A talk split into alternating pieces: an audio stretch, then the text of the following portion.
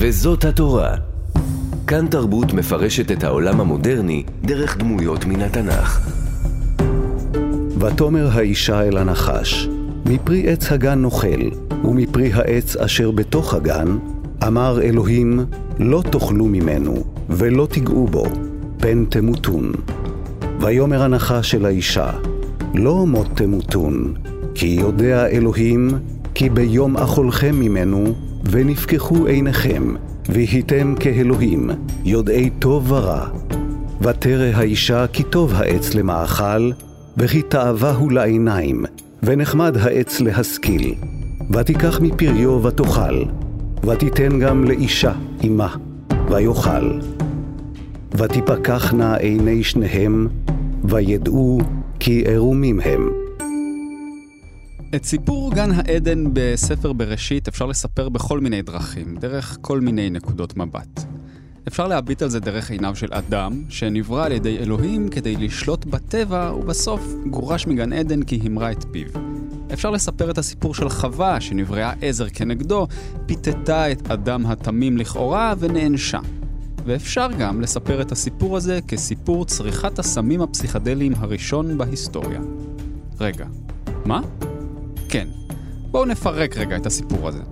אלוהים אוסר על אדם וחווה לאכול מפרי עץ הדעת טוב ורע, אבל הנחש אומר לחווה, תשמעי, אלוהים פשוט יודע שביום שתאכלו ממנו ייפתחו לכם העיניים ותהיו כמוהו, יודעי טוב ורע. חווה מקבלת את העצה הזו, אוכלת עם אדם מהפרי הזה, ונחשו מה, זה אכן מה שקורה. עכשיו, אני לא מכיר הרבה אנשים שאכלו תפוח, אפרסק או בננה והיו כאלוהים יודעי טוב ורע. וזה לא מותיר לנו הרבה ברירות, אלא לראות בנחש את סוחר הסמים הראשון, רחמנא ליצלן, שסיפק סמים פסיכדליים לבני האדם הראשונים.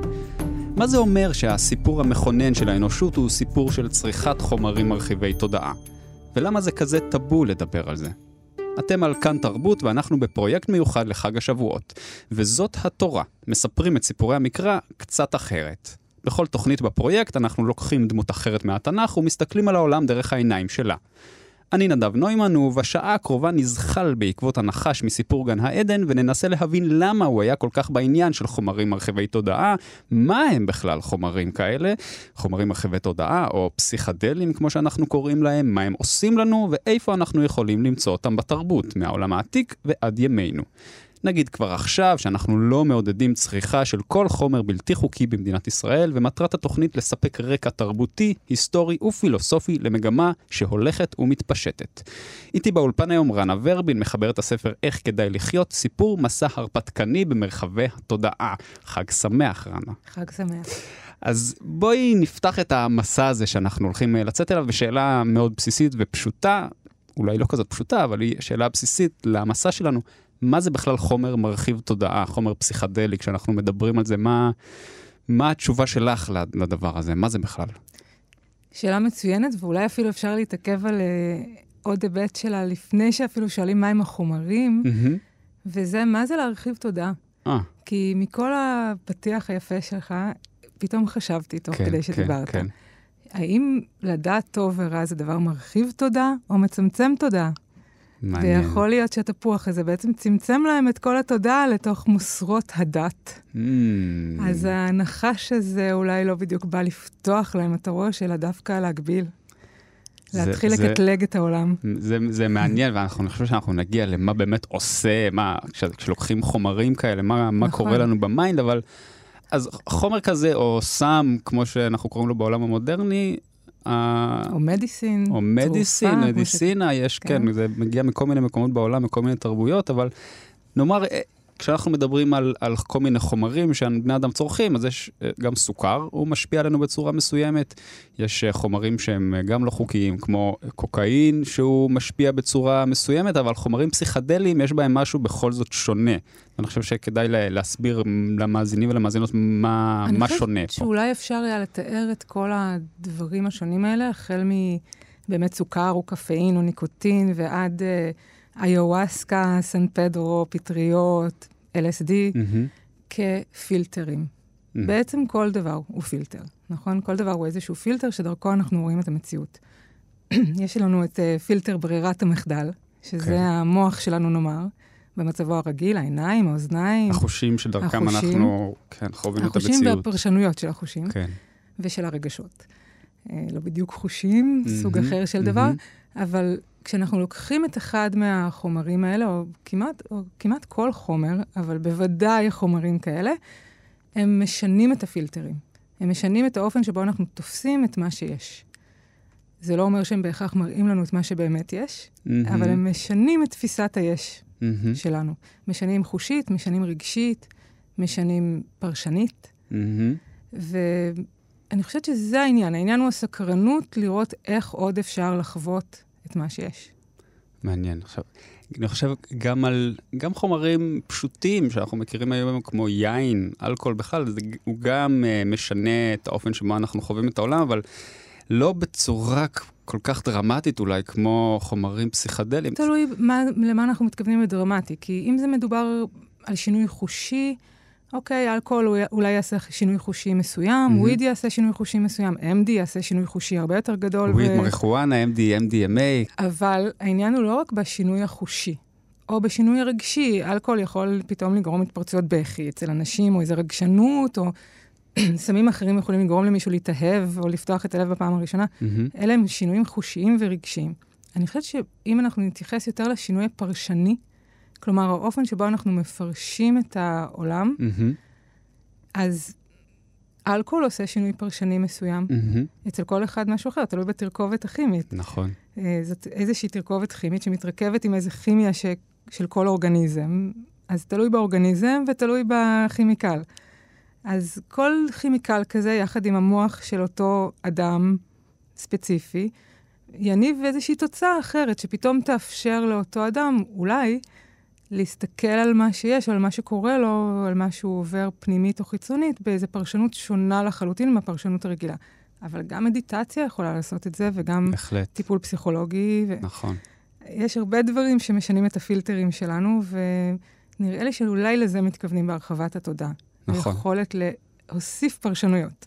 ובספר שלך, איך כדאי לחיות, את כותבת על, על האופן שבו הפרשנות הזאת, אה, אה, הפרשנות המשתנה אה, באה לידי ביטוי במסע שלך אה, בעולמות האלה, ואני, אם אנחנו עוד מתעכבים רגע על ההגדרה של מה זה חומר אה, מרחיב תודעה או חומר פסיכדלי, אני רוצה לה, להביא לשיחה את אה, אלדוס הקסלי. שהוא אחד אה, מסופרי המדע הבדיוני והפילוסופים הכי גדולים של, ה, של המאה ה-20, שבספר שלו, דלתות התודעה, הביטוי הכל כך מפורסם הזה שאנחנו מכירים גם מלהקת הדלתות, ועוד איזה ממש נהיה קלישאה, The Doors of Perception, הוא נותן הגדרה ממצה שאני מאוד אוהב אותה, תגידי לי מה, מה הטייק שלך על זה אחר כך.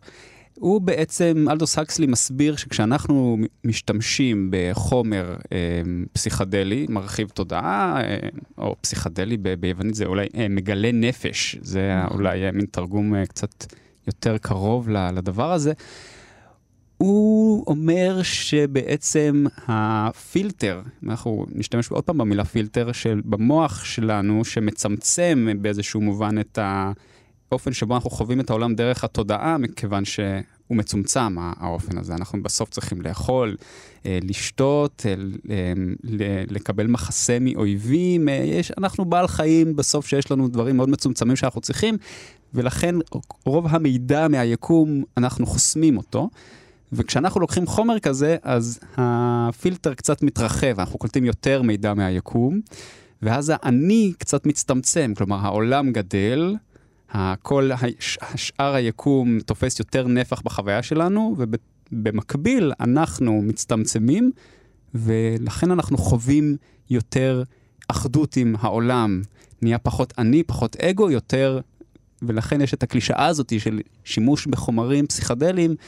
כשרוצים לצייר uh, מישהו בסרט שהוא לוקח uh, LSD או משהו כזה, תמיד אומר, אני מרגיש שאני הכל, אני אה, יש, כן, אני כולם. אחד עם כולם, זה מין uh, קלישה כזאת, ואני חושב שמשם, אם אנחנו רוצים איזה הסבר פילוסופי ככה, אני חושב שמשם זה בא, זה משהו שאת מתחברת אליו, את חושבת, חושבת על ההגדרה הזאת? אני באופן אישי פחות חוויתי את הדבר הספציפי הזה. כנראה היו לי התנגדויות קשות להיות אחת עם כולם. אהה, מעניין. אה, אני חושבת שזה בא אולי מהזווית הנשית, הפמיניסטית. כלומר, תמיד הרגשתי כשגברים למשל כמו אלדוס אקסלי, אבל לא רק, mm-hmm. דיברו על להיות אחד עם כולם, אז זה אומר שבאיזשהו אופן הם האחד וכולם איתם.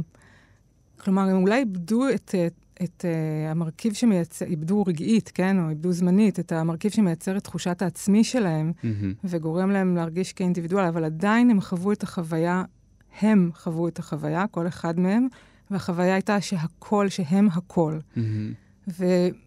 ואני גם כתבתי את זה בספר, וזה גם, אה, נתתי את זה לאיזה דמות, אבל זה גם משהו שבאמת הרגשתי אותו כן, תוך כדי המסורת כן. שלי, שאני לא מסוגלת לעשות את הדבר הזה, אני לא מסוגלת להפוך להיות אחת עם הכל. איבדתי את תחושת העצמי שלי, כי זה באמת אחד הדברים שקורים בשימוש בחומרים פסיכדליים, זה שהפילטר הזה, או הקוד שמייצר אצלנו תחושת עצמי, התחושה שאני אני, ואני מוגדרת, ויש לי גבולות וגדר mm-hmm. סביב ההגדרה. Mm-hmm. וכל הדבר הזה שמייצר את ההגדרה הזאת של מה זה אני פיזית ונפשית ובכל מובן, מתמוסס.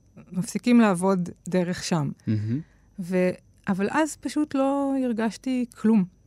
כלומר, החוויה שלי הייתה איזושהי חוויה, אבל לא בהכרח הייתי מתארת אותה כמו אני אחת עם הכל, אלא פשוט פשוט באמת לא היה אני, ו... ורק היה כל מיני דברים. וגם לא הייתי מתארת את זה כהכול. אני חושבת שזאת גם איזו טעות פרשנית, או uh-huh. פרשנות okay. אוקיי. אחת שלא חייבים לדבוק בה. אני חושבת שמה שקורה, שמה שיש, קודם כל, וזה בעקבות שפינוזה, איזה 300 שנה לפני אלדה סקסלי, uh-huh, כן, מה שיש כן, כן. זה בעצם, אפשר לדמות את מה שיש לרעש לבן, או לאור לבן. כלומר, אותו הדבר שמכיל בתוכו את הכל, כל האפשרויות, אבל הוא כלום. רעש לבן, אין לו שום צליל, אבל יש בו את כל הצלילים. אור לבן הוא לא שום צבע ספציפי, אבל יש בו את כל הצבעים. נאמר ואנחנו... ששפינוזה הוא, הוא ב, על קצה המזלג, הוא, הוא מנסה להסביר איך אה, כל מה שיש זה דבר אחד בעצם מאוחד. שיש בו את כל מה שיכול להיות. שכולל את כל מה שיכול, שיכול להיות. כן. כלומר, אלוהים הוא הטבע, כלומר, כל מה שיש זה אלוהים, זה דבר אחד טבע הדברים, לא מאוחד, לא הטבע, העצים כן, והפרחים, כן, אלא כן, טבע כן. הדברים. היקום. טבע הדברים, הקיום, mm-hmm. כי אולי יש יותר mm-hmm. מיקום אחד. Mm-hmm. כל מה שיש זה כמו להגיד כל הצלילים שנמצאים בתוך הרעש הלבן, ואנחנו משתמשים בפילטרים שונים כדי לסנן מתוך זה צלילים מסוימים או צבעים מסוימים. זה לא אומר שהצבעים האחרים מתבטלים כשאנחנו לא שולפים אותם החוצה מתוך האור הלבן, הם עדיין קיימים שם, כן, כן. באיזה פוטנציאל כן. קיים, mm-hmm. תמידית, אבל אנחנו לא מבחינים בהם. ואני חושבת שאותו הדבר קורה בשימוש בחומרים פסיכדליים. כלומר, זה לא שאנחנו פתאום רואים או קולטים או חווים את הכל, אלא אנחנו רואים, קולטים וחווים צלילים אחרים. זה, יש אשליה שמאוד קל ליפול לתוכה, וזה גם קורה אחרי השימוש הראשון או השני, או בהתנסויות הראשונות בחומרים פסיכדליים, נכנסים לאיזה מין מגלומניה כזאת. כל אחד מרגיש שהוא נביא, ושהוא יודע הכל, ושהוא חווה עכשיו את הכל, ושהוא הבין עכשיו באמת מה יש. Mm-hmm. ואז באיזשהו שלב מתקדם יותר, התעתוע הזה לרוב נשבר. לפעמים הוא מתקומם מחדש, ואז נשבר שוב. זה התהליך בגדול. אז צריך לזכור ש... שלא לא נגלתה לנו עכשיו תמונת העולם האמיתית והמלאה, למרות שלחלוטין זאת התחושה שמתעוררת, אלא קיבלנו איזה חתך פילטרים אחר. הצלחנו להגיע לאיזה מין תפיסה, לאיזה פרשנות אחרת, לאיזה מין חוויה אחרת של מה שיש, אבל היא רק עוד חוויה אחת מבין אין סוף האפשרויות של כל מה שאפשרי שקיים. אוקיי, okay, אז אנחנו בתוכנית uh, מיוחדת לשבועות, uh, וזאת התורה. אנחנו מספרים את סיפורי התנ"ך קצת אחרת, ואנחנו מתחילים עם הנחש. למה אנחנו מתחילים עם הנחש? א', כי זה סיפור, בין הסיפורים הראשונים בתנ"ך, ומכיוון שזה סיפור מאוד מעניין לדבר עליו היום בשנת 2021. Uh, אה, בשנים האחרונות יש מה שנקרא מפץ הפסיכדלי. אמ, המגמה הזאת של לדבר על חומרים פסיכדליים אה, הולכת וגוברת. אנחנו רואים את זה, הרנסאנס הפסיכדלי, זה קורה באקדמיה, במחקר הפסיכולוגי, הפסיכיאטרי, ברפואה, באומנות, אה, במחלקות להיסטוריה ופילוסופיה, פיזיקה. פיזיקה. אנשים מתחילים להבין... אמ, עד כמה התר... הדבר הזה הוא חלק מהתרבות ויש לו המון שימושים, אמ, בטח מחשבתיים, שזה מה שמעניין אותנו היום בתוכנית הזאת. אמ, עכשיו, הנחש נותן לחווה ואדם, הוא מספק להם את אה, פרי עץ הדעת טוב ורע, שהופך אותם כביכול לאלוהיים, או שיש להם יכולות אלוהיות. עכשיו, עד עכשיו במין הקדמה הזאת שאנחנו מתניעים כאן את השיחה, ניסינו להסביר אה, למה אה, הדבר הזה הוא אה, מאפשר לאדם וחווה לחשוב שהם כמו אלוהים, או לחוות את העולם כמו אלוהים. אמרנו שזה פותח איזה פילטר, או נותן דרך חדשה לחוות את העולם. עכשיו, הייתי רוצה עכשיו שניקח איזה צעד, לא אחורה, הצידה מהפילוסופיה, וקצת ניתן אולי איזה ציר זמן היסטורי שיכניס אותנו בחזרה אחר כך לשיח הפילוסופי עם... אולי מטען, מטען נוסף. כי אנחנו מדברים על בראשית, שזה, קודם כל זה ספר שנכתב אה, אה, במאה השמינית או השביעית לפני הספירה. אה, אני, אולי אני טועה כאן, את יודעת מה? זה... אולי כולם טועים כאן, מי יכול לדעת? נכון, אבל בכל אופן זה נכתב, נכתב אה, במאות, ה, במאות הראשונות אה, לפני הספירה. אה, מה שמראה לנו שכבר בתקופה ההיא היה שיח לגבי שימוש בחומרים מרחיבי תודעה, וזה לא סתם.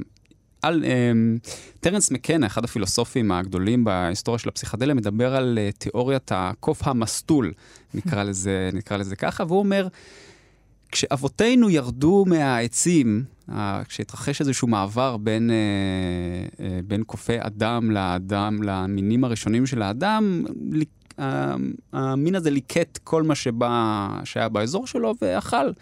ולא מן הנמנע שהוא נתקל בכל מיני צמחים או פטריות או קקטוסים שעשו לו משהו, משהו במוח, ושזה גם משהו ש... אמ, אמ, עודד אה, פעילות מוחית מוגברת ועודד את, ה, את האבולוציה שלנו. זה מחקר אה, שנוי במחלוקת, אבל ב... ככל שההיסטוריה האנושית התקדמה, אנחנו רואים את זה בכל האזור של uh, אגן הים התיכון, ובוודאי גם אירופה, ובוודאי דרום אמריקה, כל תרבויות uh, שמאניות שהתפתחו בכל העולם העתיק.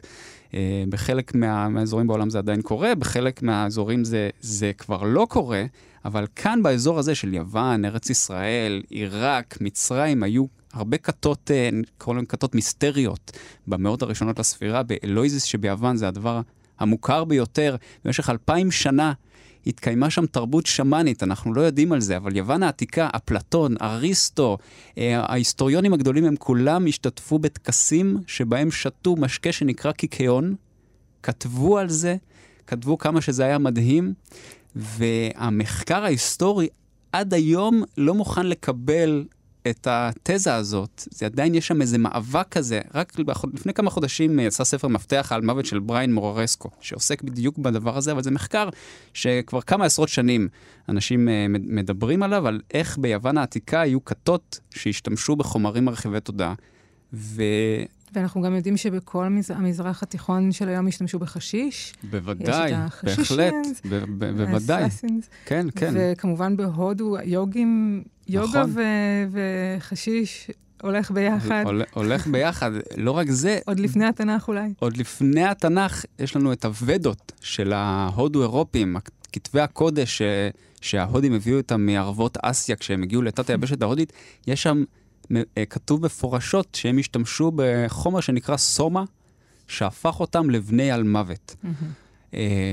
עכשיו, את הכל אפשר לפרשן בכל מיני דרכים, אבל אם מסתכלים על הטקסט, אם מסתכלים על פרי שאדם וחווה אוכלים שהופך אותם לאלוהים, על חומר בשם סומה, שההודו-אירופים צורכים והופך אותם לבני על מוות, את הקיקיון היווני שאפלטון מספר שמי שלוקח אותו מגיע לעולמות עליונים.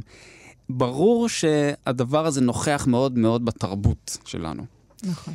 אמ, וזה מביא עוד, זאת אומרת... ובאמת יש את אלה שאמרו שהשפה נוצרה בעקבות זה, יכול להיות, זאת אחת ההשערות, איך פתאום נוצרה השפה האנושית, איך הייתה הקפיצה הזאת. גם פרופסור בני שנון, אמנם אחרי טרנס מקאנה mm-hmm. אמר את זה, אבל הוא היה ראש החוג לפסיכולוגיה באוניברסיטה העברית בירושלים. גאווה, גאווה ישראלית, מה שנקרא. גאווה ישראלית. הוא כתב את המחקר המקיף ביותר על היוואסקה, שיצא בשנת 2003 באוניברסיט, בהוצאת אוניברסיטת אוקספורד. רק נעשה איזה פסק זמן קצר, נגיד שהיוואסקה, מי שלא מכירה, אז זה, זה תסבירי שיקוי, מה זה בעצם. שיקוי, תה, mm-hmm. שעשוי מגפן ומצמחים אה, שמכילים אפשר לערבב את זה עם כל מיני דברים, צמחים נאמר ממשפחת הקפה, שהשילוב שלהם ביחד מאפשר לאלקלואיד שנקרא DMT, להתעכל, לא להתעכל בקיבה, אלא לעבור את אה, מחסום הקיבה המוח ולהגיע אל המוח ולהשפיע באמת באותם אופנים של פטריות אה, LSD, לא חוקי סנפדו. במדינת ישראל נאמר, אבל... אבל חוקי במדינות רבות חוקי בעולם. חוקי בדרום אמריקה ובמדינות מסוימות, והמחקר גם על הדבר הזה הוא, הוא המחקר בעיצומו. הפסיכיאטרי. הוא בשיאו. בשיאו. כן, הוא בשיאו כן. ממש, ולא רק המחקר, כלומר, כמובן המחקר הפסיכיאטרי, פסיכולוגי, אבל... זה גם uh, שיקוי, זאת המילה הכי יפה בעיניי, אבל אפשר לקרוא לזה תיאומדיסין. שיקוי זו מילה, זו מילה כן. נהדרת, אני בעד להחזיר אותה כן. לשיח. אז uh, זה בעצם שיקוי שמדענים רבים השתמשו בו לאורך השנים. Uh, בני, פרופסור בני שנון לא היה הראשון שנסע לברזיל להתנסות באיוואסקה, כאמור, היו כאלה שעשו את זה עוד לפניו, הוא פשוט השתמש בזה כדי להסביר את התודעה כפסיכולוג. אבל היו מתמטיקאים וביולוגים ופיזיקאים, וכמעט תמיד החומר הזה מוביל את האדם המשתמש בו לתגליות שאולי אחרת, או לפריצות דרך שאולי אחרת אה, לא היו נפרצות.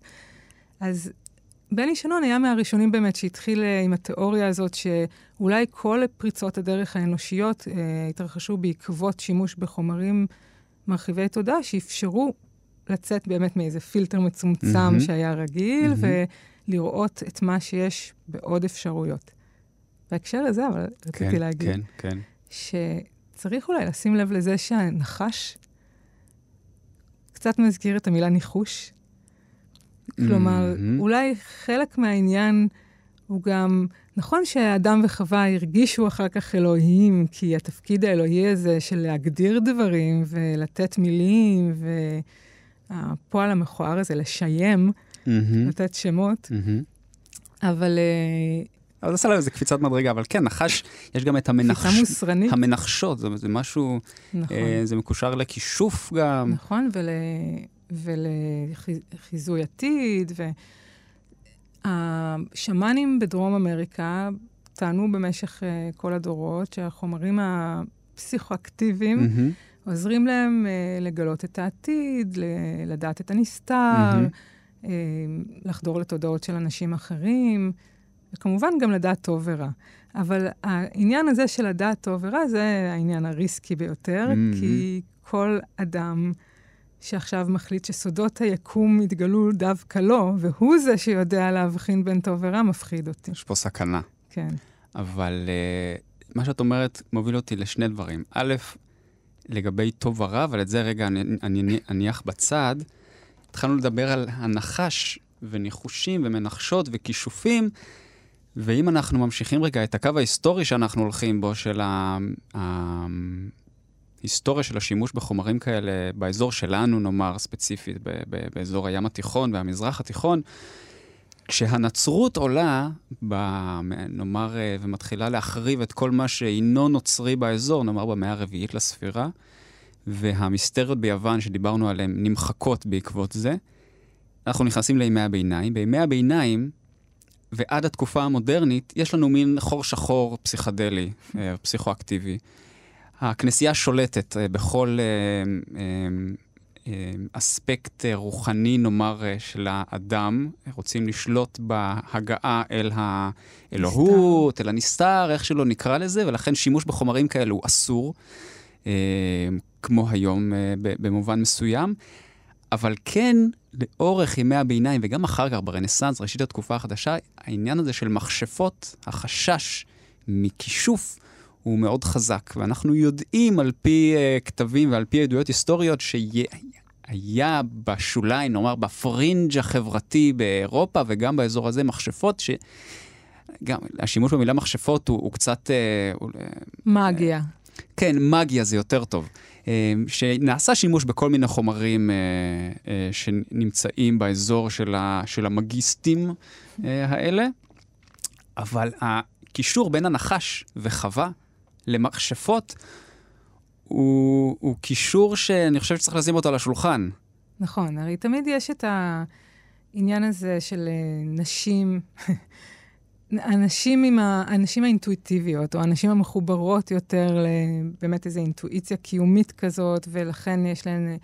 אני, אני לא נוטה להאמין זה בעיניי במסגרת אמונות טפלות, ולדעתי כל אורגניזם יש לו במידה שווה את האפשרות אה, להיות... זאת אומרת, אין, זה, זה קשקוש, זה, זה קשקוש בלבוש. יכול להיות שבגלל איזה שהן נסיבות חברתיות, היסטוריות, אני לא היסטוריונית ואין לי מושג, אבל דווקא באותה תקופה בדיוק של ימי ביניים מאוחרים, במקביל לכל העניין המאגי הזה, שאולי באירופה, במדינות מסוימות, היה יותר בקרב הנשים, אולי כי הן פשוט היו פחות, הן היו יותר חסרות כוח, אז נאלצו לסגת לכל מיני אמצעים שונים ומשונים.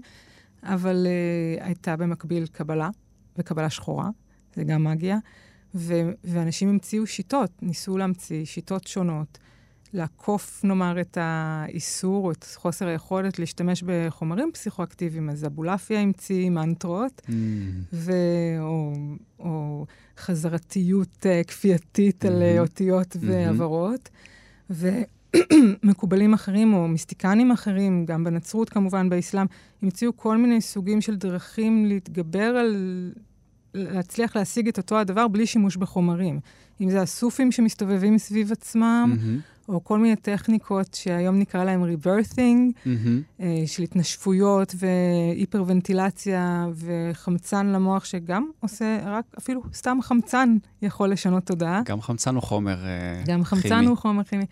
ואנשים ששיקעו את עצמם באמבטיות, באמצע מערות חשוכות במדבר, כש, כלומר באיזשהו ניסיון לנטרל את החושים. אוי, זה נשמע לי כיף, אמבטיה באמצע, במערה באמצע המדבר. כלומר, לא להרגיש שום דבר, לא לשמוע שום דבר, לא לראות שום דבר, לנטרל לחלוטין, לא להריח שום דבר, לנטרל לחלוטין את החושים, כדי שתתאפשר הצלילה הזאת לאיזה מימד הכרתי לא חושי. Mm-hmm. ו- ובאמת יש איזה אלף ומשהו שנים של ניסיונות לעקוף את החושים ולהגיע לאיזה קליטה אחרת של מה שיש.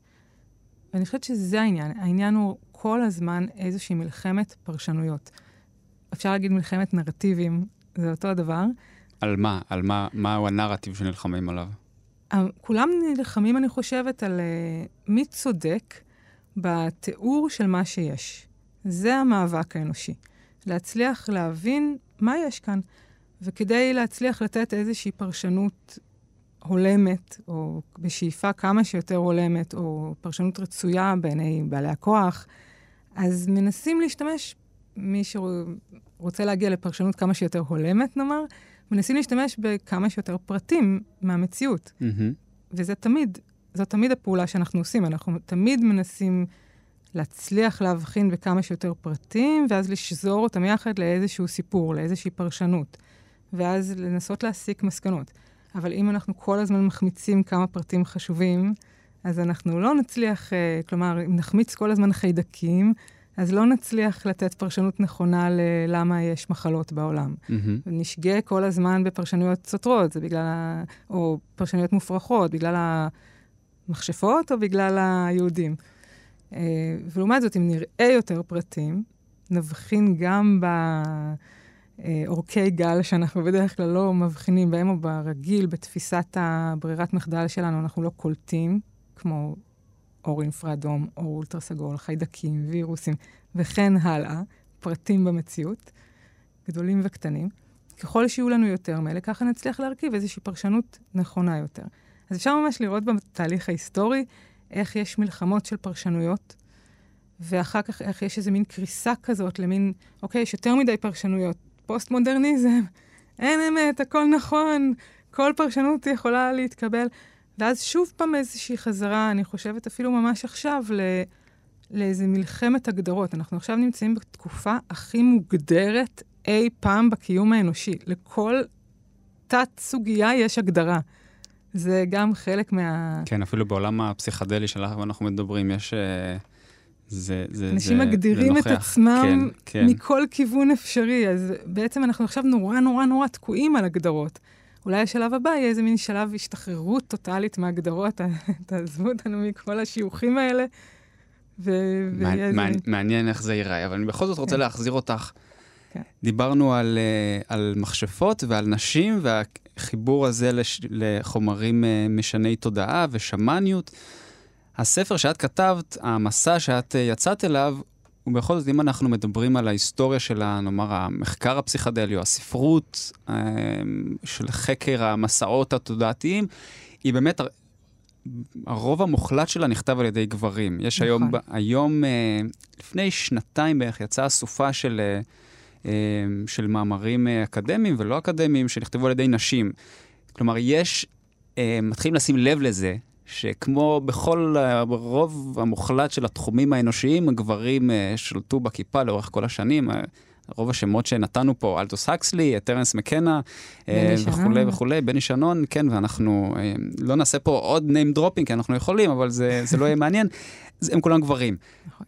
כשאת יצאת למסע הזה ויצאת עם אה, יומן התודעה ש, שפרסמת, חשבת, זה, זאת אומרת, זה, זה לא משהו... זה לא יומן, אני רק רוצה להגיד. כן, לא, אני... זה, יש שם ארבע כן. דמויות שהן לא אני. לא, הלא יומן תודעה, אני רק נותן כזה הגדרה כן. פשטנית. אמ, זה משהו שהיה במודעות שלך? כן. החיבור הזה ל... ל... אני לא יודע אם להגיד נשיות, זו מילה קצת... אה, כן. אבל... זה לחלוטין היה במודעות שלי, כי גם אני, במשך כל השנים האלה, התחלתי באמת, אה, הפעם הראשונה שהייתי בטקס האיוואסקה, זה כבר היה לפני יותר מ-15 שנה. ואז, וגם לפני כן, אה, וגם אחרי כן, במשך הרבה מאוד שנים, לא הייתה ספרות, אני לא הצלחתי להגיע לספרות נשית בתחום. Mm-hmm. עידו ארטוגזון אחר כך בביקורת שלו בארץ תיקן אותי ואמר שדווקא הנה, יש את זאת, ויש עוד איזה מישהי. לא שמעתי עליהן מעולם, ואני לא חוקרת של התחום, אז פשוט לא הגעתי לזה. כן, מצאתי הרבה סרטוני יוטיוב mm-hmm. של נשים. Mm-hmm. זה לא שאין נשים באזורים האלה של החיים. פשוט אין נשים שכתבו על זה והוציאו על זה ספרים אה, החל משנות ה-60 או ה-50 ועד ימינו. ואני חושבת שזה פשוט משהו שהוא תמיד נכון בעניין המסעות. כלומר, זה היה קודם כל נכון בעניין המסעות הגיאוגרפיים. במשך שנים ארוכות לא היו נשים שיצאו למסעות גיאוגרפיים, ממגוון סיבות תרבותיות והיסטוריות. Mm-hmm. קודם כל, אסור היה להן לצאת לבד אפילו בעיר שלהן. מחוץ לדלת הבית אפילו כן, לפעמים, כן. אה, במשך שנים רבות.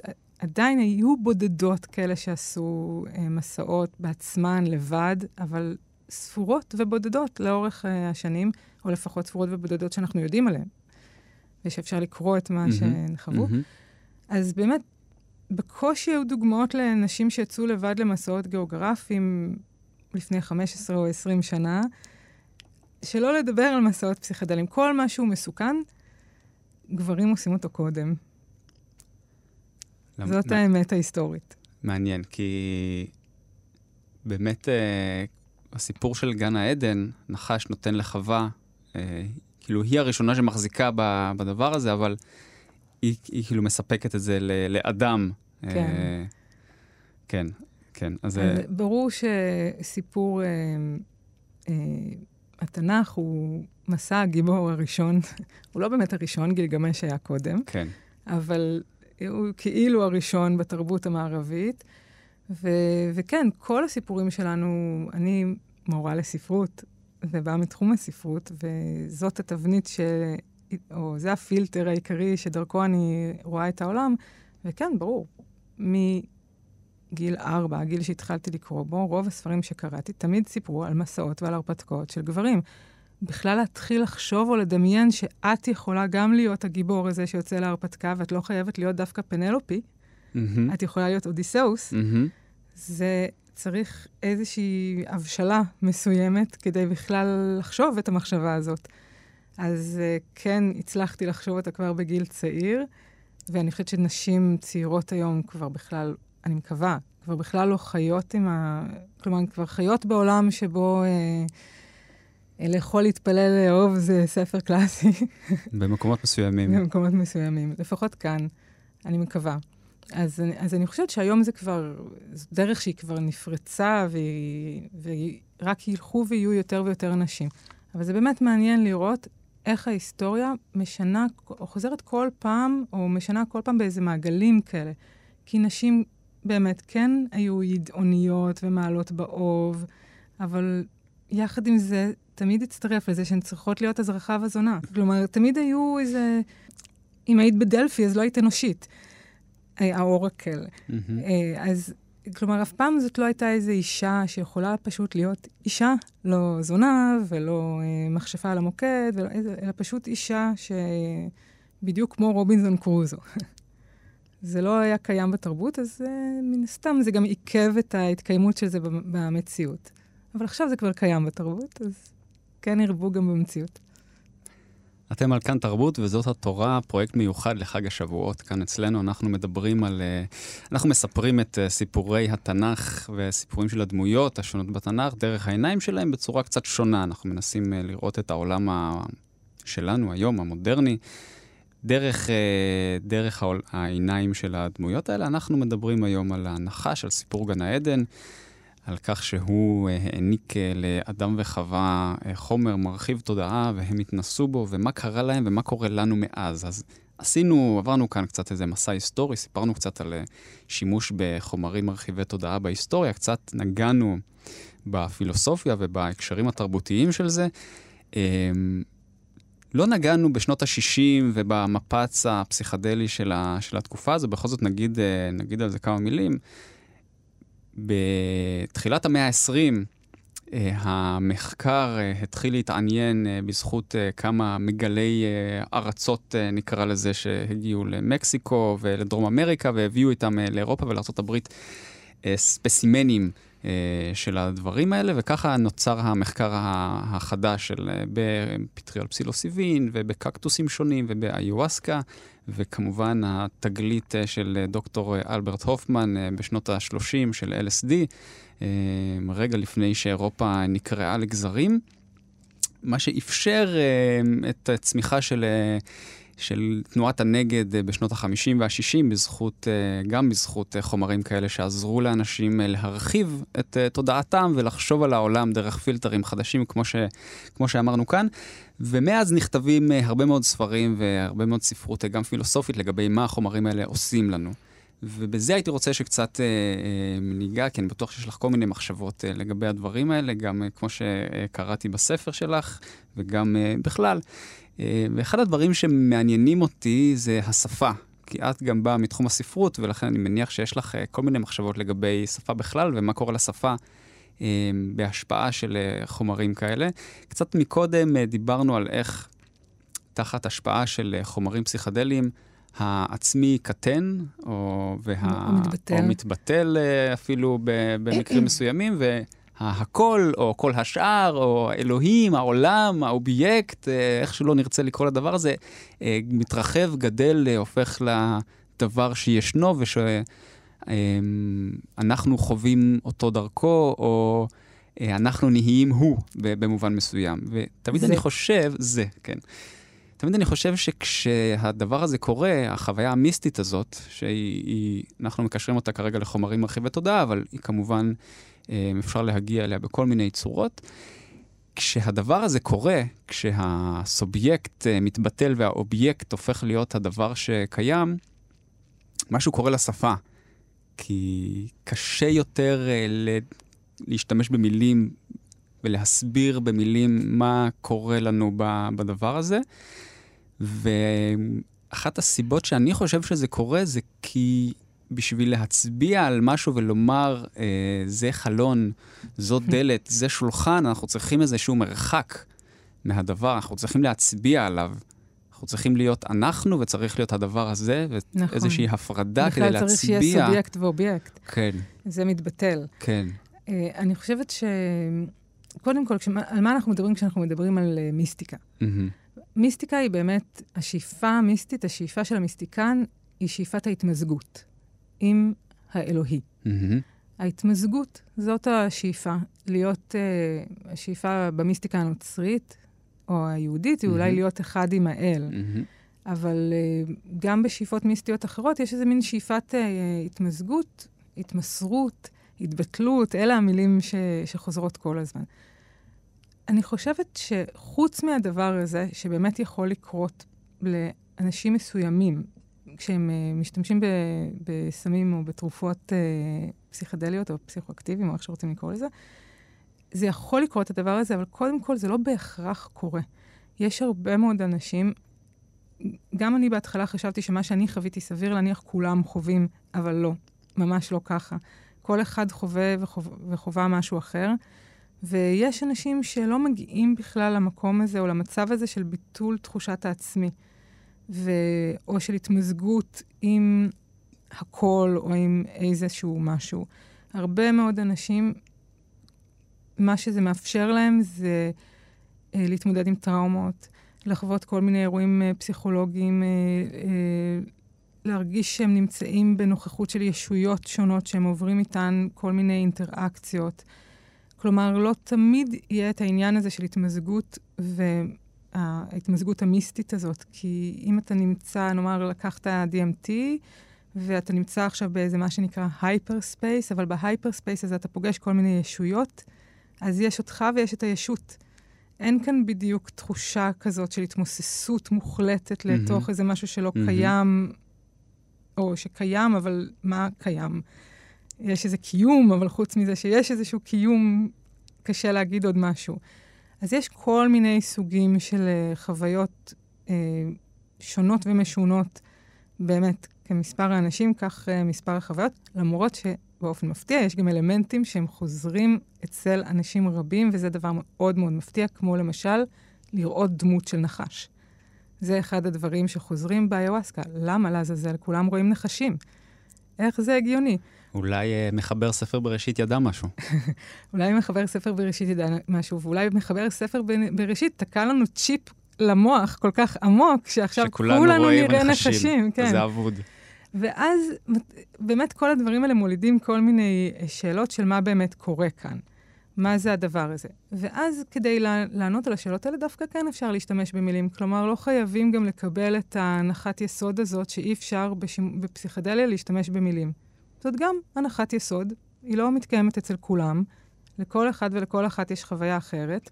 יש י... אבל, אה, אנחנו מדברים על חוויות מיסטיות בכלל, אה, ויליאם ג'יימס, מי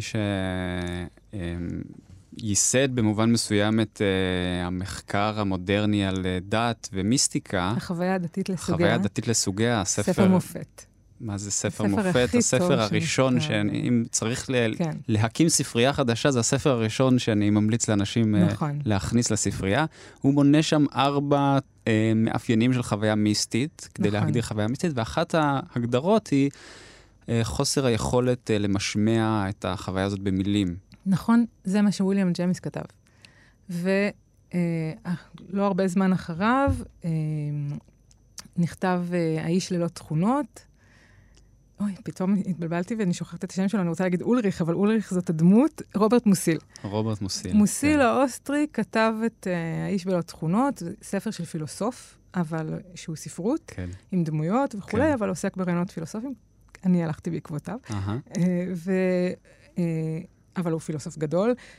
מאוד, אולי הכי גדול, וגם הוא כותב שם בכרך ב', וזה הספר השני שצריך להיות בספרייה אחרי החוויה הדתית אנחנו לסוגיה. גם בונים, אנחנו גם בונים כאן ספרייה, זה תוכנית, כן, לגמרי. תוכנית שעושה כמה דברים. אז הוא גם כותב שם uh, באמת סביב 1920 את אותו רעיון, שהוא רעיון שגור בתרבות שלנו, שאי אפשר לתאר את החוויה המיסטית במילים. והוא אומר, אולי יום אחד יקום איזה דור של אנשים שיהיו מצד אחד מתמטיקאים ומצד שני מיסטיקנים, והם יוכלו איכשהו לשלב בין שני התחומים, המדע והמיסטיקה, ולתמלל את זה באיזשהו אופן, כי כבר יהיו להם הסברים. אנחנו עדיין חסרי מילים. טוב, אבל עברו מאה שנה. כן. ואני חושבת שאנחנו פחות חסרי מילים. אני חושבת שכבר יש לנו יותר יכולות, גם כי המדע התקדם בינתיים, באופנים מאוד פסיכדליים. אבל את מדברת אולי על האופן שבו אפשר לתאר את מה שקורה לנו במוח, כלומר, אה, נוירו, לא רק אה, מדעי לזה. הנוירו השונים, או... אבל ממש... לכ... בוא נאמר שאת זה עוד אף אחד לא בדיוק יודע, מה קורה. אפשר לראות כן, uh, כן. בבדיקות FMRI, דם זורם לפה, דם נכון. זורם לשם, מה באמת קורה במוח או בתודעה, והאם התודעה היא בכלל בתוך המוח. ש- שאלות בספק. שימשיכו לרדוף אותנו כן, עוד, כן, עוד הרבה לדעת, זמן. לי כבר יש אה, תשובות בעקבות שפינוזה, תשובות, התחלות של תשובות בעקבות שפינוזה, ספינוזה. ואם אני משתמשת באמת בפרשנות שלו, mm-hmm. שאני חושבת שהיא עדיין הנכונה ביותר mm-hmm. מבין כל הפרשנויות, mm-hmm. ושהפיזיקה והמדע בני זמננו די הולכים בסופו של דבר. איינשטיין היה ספינוזיסט, ובעקבותיו... נכון, הוא אמר, אלוה, אלוהים שלי זה אלוהים של שפינוזה. כן. משהו כזה. ו... ואני חושבת שאם אנחנו נסתכל על, ככה קצת על קצה המזלג, אה, על ההסבר שלו, אז זה הסבר שכן מאפשר לנו לפרש את מה שיש לזה באיזשהו אופן. זה לא אומר שכל מי שחווה חוויה כזאת של להרגיש כאילו הגעת עכשיו למאחורי הקלעים של מה שיש, ועכשיו אתה בעצם רואה מה באמת יש, mm-hmm. יצליח אחר כך לבטא את החוויה הזאת במילים. זה אכן דבר מאוד קשה לביטוי, ותמיד יהיה איזשהו הפסד. אבל זה נכון לגבי כל החוויות האנושיות. גם כשאנחנו מנסים לבטא מה זה להתאהב במילים, יש איזשהו הפסד. איך אני יכולה להסביר מה זה לאהוב או מה זה להתאהב לאדם שאף פעם לא חווה אהבה? אני יכולה לתאר כל מיני דברים, כמו פרפרים בבטן, התרגשות, לב דופק, אה, שמחה מהאהוב, או, או שמחת אהבה, אבל אני לא יכולה באמת לתאר את כל החוויה, כי חלק ממנה הוא בלתי ניתן לתיאור. אותו, את אותו כשל, את הכשל מהסוג הזה, יש לנו לגבי כל סוגי החוויות שלנו. אז למה בכל זאת אנחנו אומרים את החוויה המיסטית, או החוויה המיסטית הפסיכדלית, אי אפשר לתאר במילים? למה יש לה כזה משקל לעומת, כמו שאת אומרת, אה, התאהבות, אה, אוכל מאוד טעים, אה, גם הרבה... את חוויית האהבה נכתבו הרבה ספרים שניסו להגדיר את זה איכשהו במילים, או להגיד מה זה הדבר הזה, או איך אתה יודע אם אתה באמת... שלא לדבר על אורגזמה, אולי לא של גברים, אבל של נשים. איך את יודעת אם באמת, כשיש לך את יודעת. Mm. אותו הדבר עם אהבה ואותו הדבר עם אה, להיות מחוץ למציאות הגשמית. מי שעבר חוויה חוץ גופית יודע איך זה מרגיש, הדבר הזה. מי שלא עבר את זה, לא יכול לתאר לעצמו איך זה להיות בלי גוף, או איך זה להרגיש, לא להרגיש mm-hmm. את הגוף, mm-hmm. או את ההימצאות, או את תחושת mm-hmm. העצמי.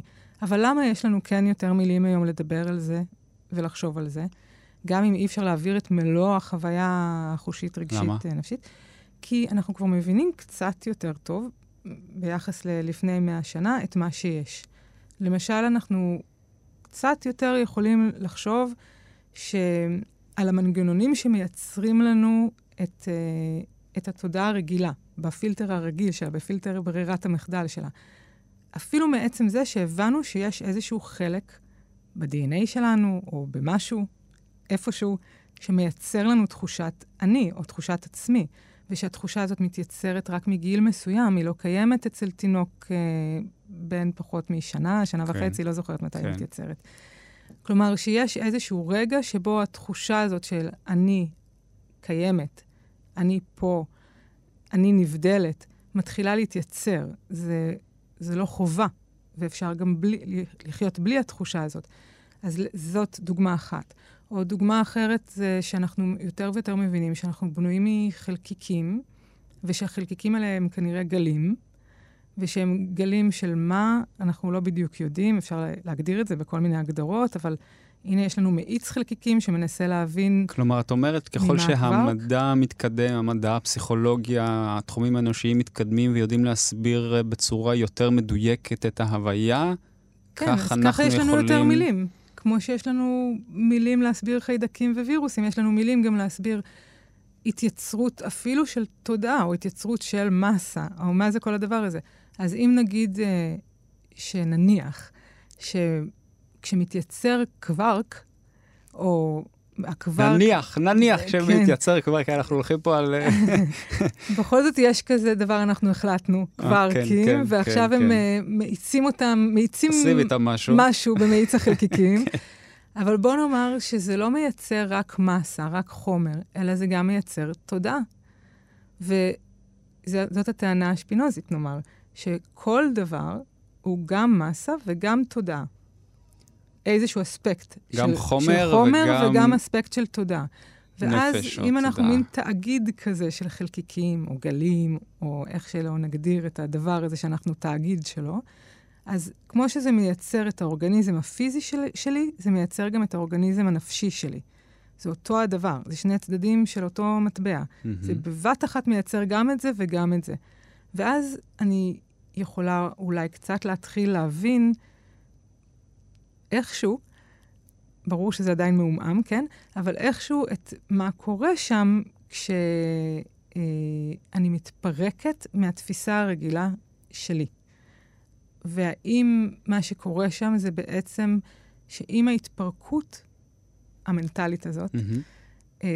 אני, או חלק מהאנשים, עוברים נאמר בדר, בין דרגות תפיסה שונות. אם דרגת התפיסה הרגילה שלנו היא זאת שתופסת אותנו כאורגניזם אחד mm-hmm. ויחיד, נכון? אנחנו לא תופסים את עצמנו בדרך כלל כתאגיד של מיליארדי חלקיקים, כן, אלא כן. כדבר אחד. אז בהתפרקות מסוימת של התפיסה הזאת, או באיזה השתקה זמנית של uh, הדבר הזה שמייצר לנו את תחושת התאגיד כן. כעצמי, אז אולי פתאום אני יכולה לחוות תודעה של חלק מסוים שלי, ולא של ההכל. למשל, תודעה של תא, או תודעה של מולקולה, או תודעה של חלקיק, או תודעה של אלקטרון. ואולי לכל אחד מהדברים שמרכיבים אותנו יש איזושהי דרגת, מה שאפשר להגיד כמו חוויית האיך זה להיות אלקטרון, אוקיי? ואולי את זה אנחנו חווים כשאנחנו למשל במסע פסיכדלי, מרגישים שאנחנו והכול אור לבן עוצמתי, שתחושת החוויה העיקרית שלו זה נהדר, טוב, אהבה. ומה זה אהבה? בעצם הדבר הזה שמרגישים, וכל כך הרבה דיווחים של אנשים, גם שעברו חוויות סף מוות וגם בחוויות פסיכדליות, כל כך הרבה אנשים מדווחים על הדבר הזה, שמרגישים טוב עילאי ואהבה צרופה. ושפינוזה יגיד, מה זאת אהבה? אהבה זאת שמחה בלוויית אידאה של משהו חיצוני. ומה זאת שמחה? שמחה זה התחושה שקיימים בעוצמה חזקה יותר. וזה בדיוק מה שקורה. יש תחושת קיום עוצמתית ביותר, תחושת התקיימות חזקה יותר מתחושת ההתקיימות הרגילה שלנו. נדמה לנו שעכשיו פה, במציאות הרגילה, אנחנו מרגישים מאוד קיימים. מה זאת אומרת? זה ברור לנו באופן מוצק שאנחנו קיימים מכל בחינה. חושית, רגשית, תחושת החום והקור, תחושת ההימצאות שלנו היא מאוד מאוד חזקה ויציבה, אבל היא מתעצמת פי מיליארד במצבים מסוימים של, של השפעה פסיכואקטיבית. לא תמיד, אבל זה יכול להגיע לשם, בטח בחוויה חוץ-גופית, של תחושת קיימות ללא תחושת אני עצמי, אורגניזם אחד, אלא פשוט רק תחושת קיום צרופה. מה אם זאת התחושה של להיות, למשל, פוטון או אלקטרון? רנה ורבין, מחברת הספר איך כדאי לחיות. תודה רבה שבאת לאולפן. תודה רבה. עד כאן השעה שלנו על הנחש מסיפור גן העדן והמפץ הפסיכדלי שהוא אחראי לו בעצם. זו הייתה שעה במסגרת וזאת התורה, פרויקט שבועות של כאן תרבות, מספרים את סיפורי התנ"ך קצת אחרת. אני מקווה שזה היה מאוד אחרת. מוזמנים ומוזמנות להאזין לכל פרקי הפרויקט, היכנסו לעמוד הפייסבוק של כאן תרבות, הכל נמצא שם. תודה לרנה ורבין, אני הייתי נדב נוימן, להתראות וחג שמח.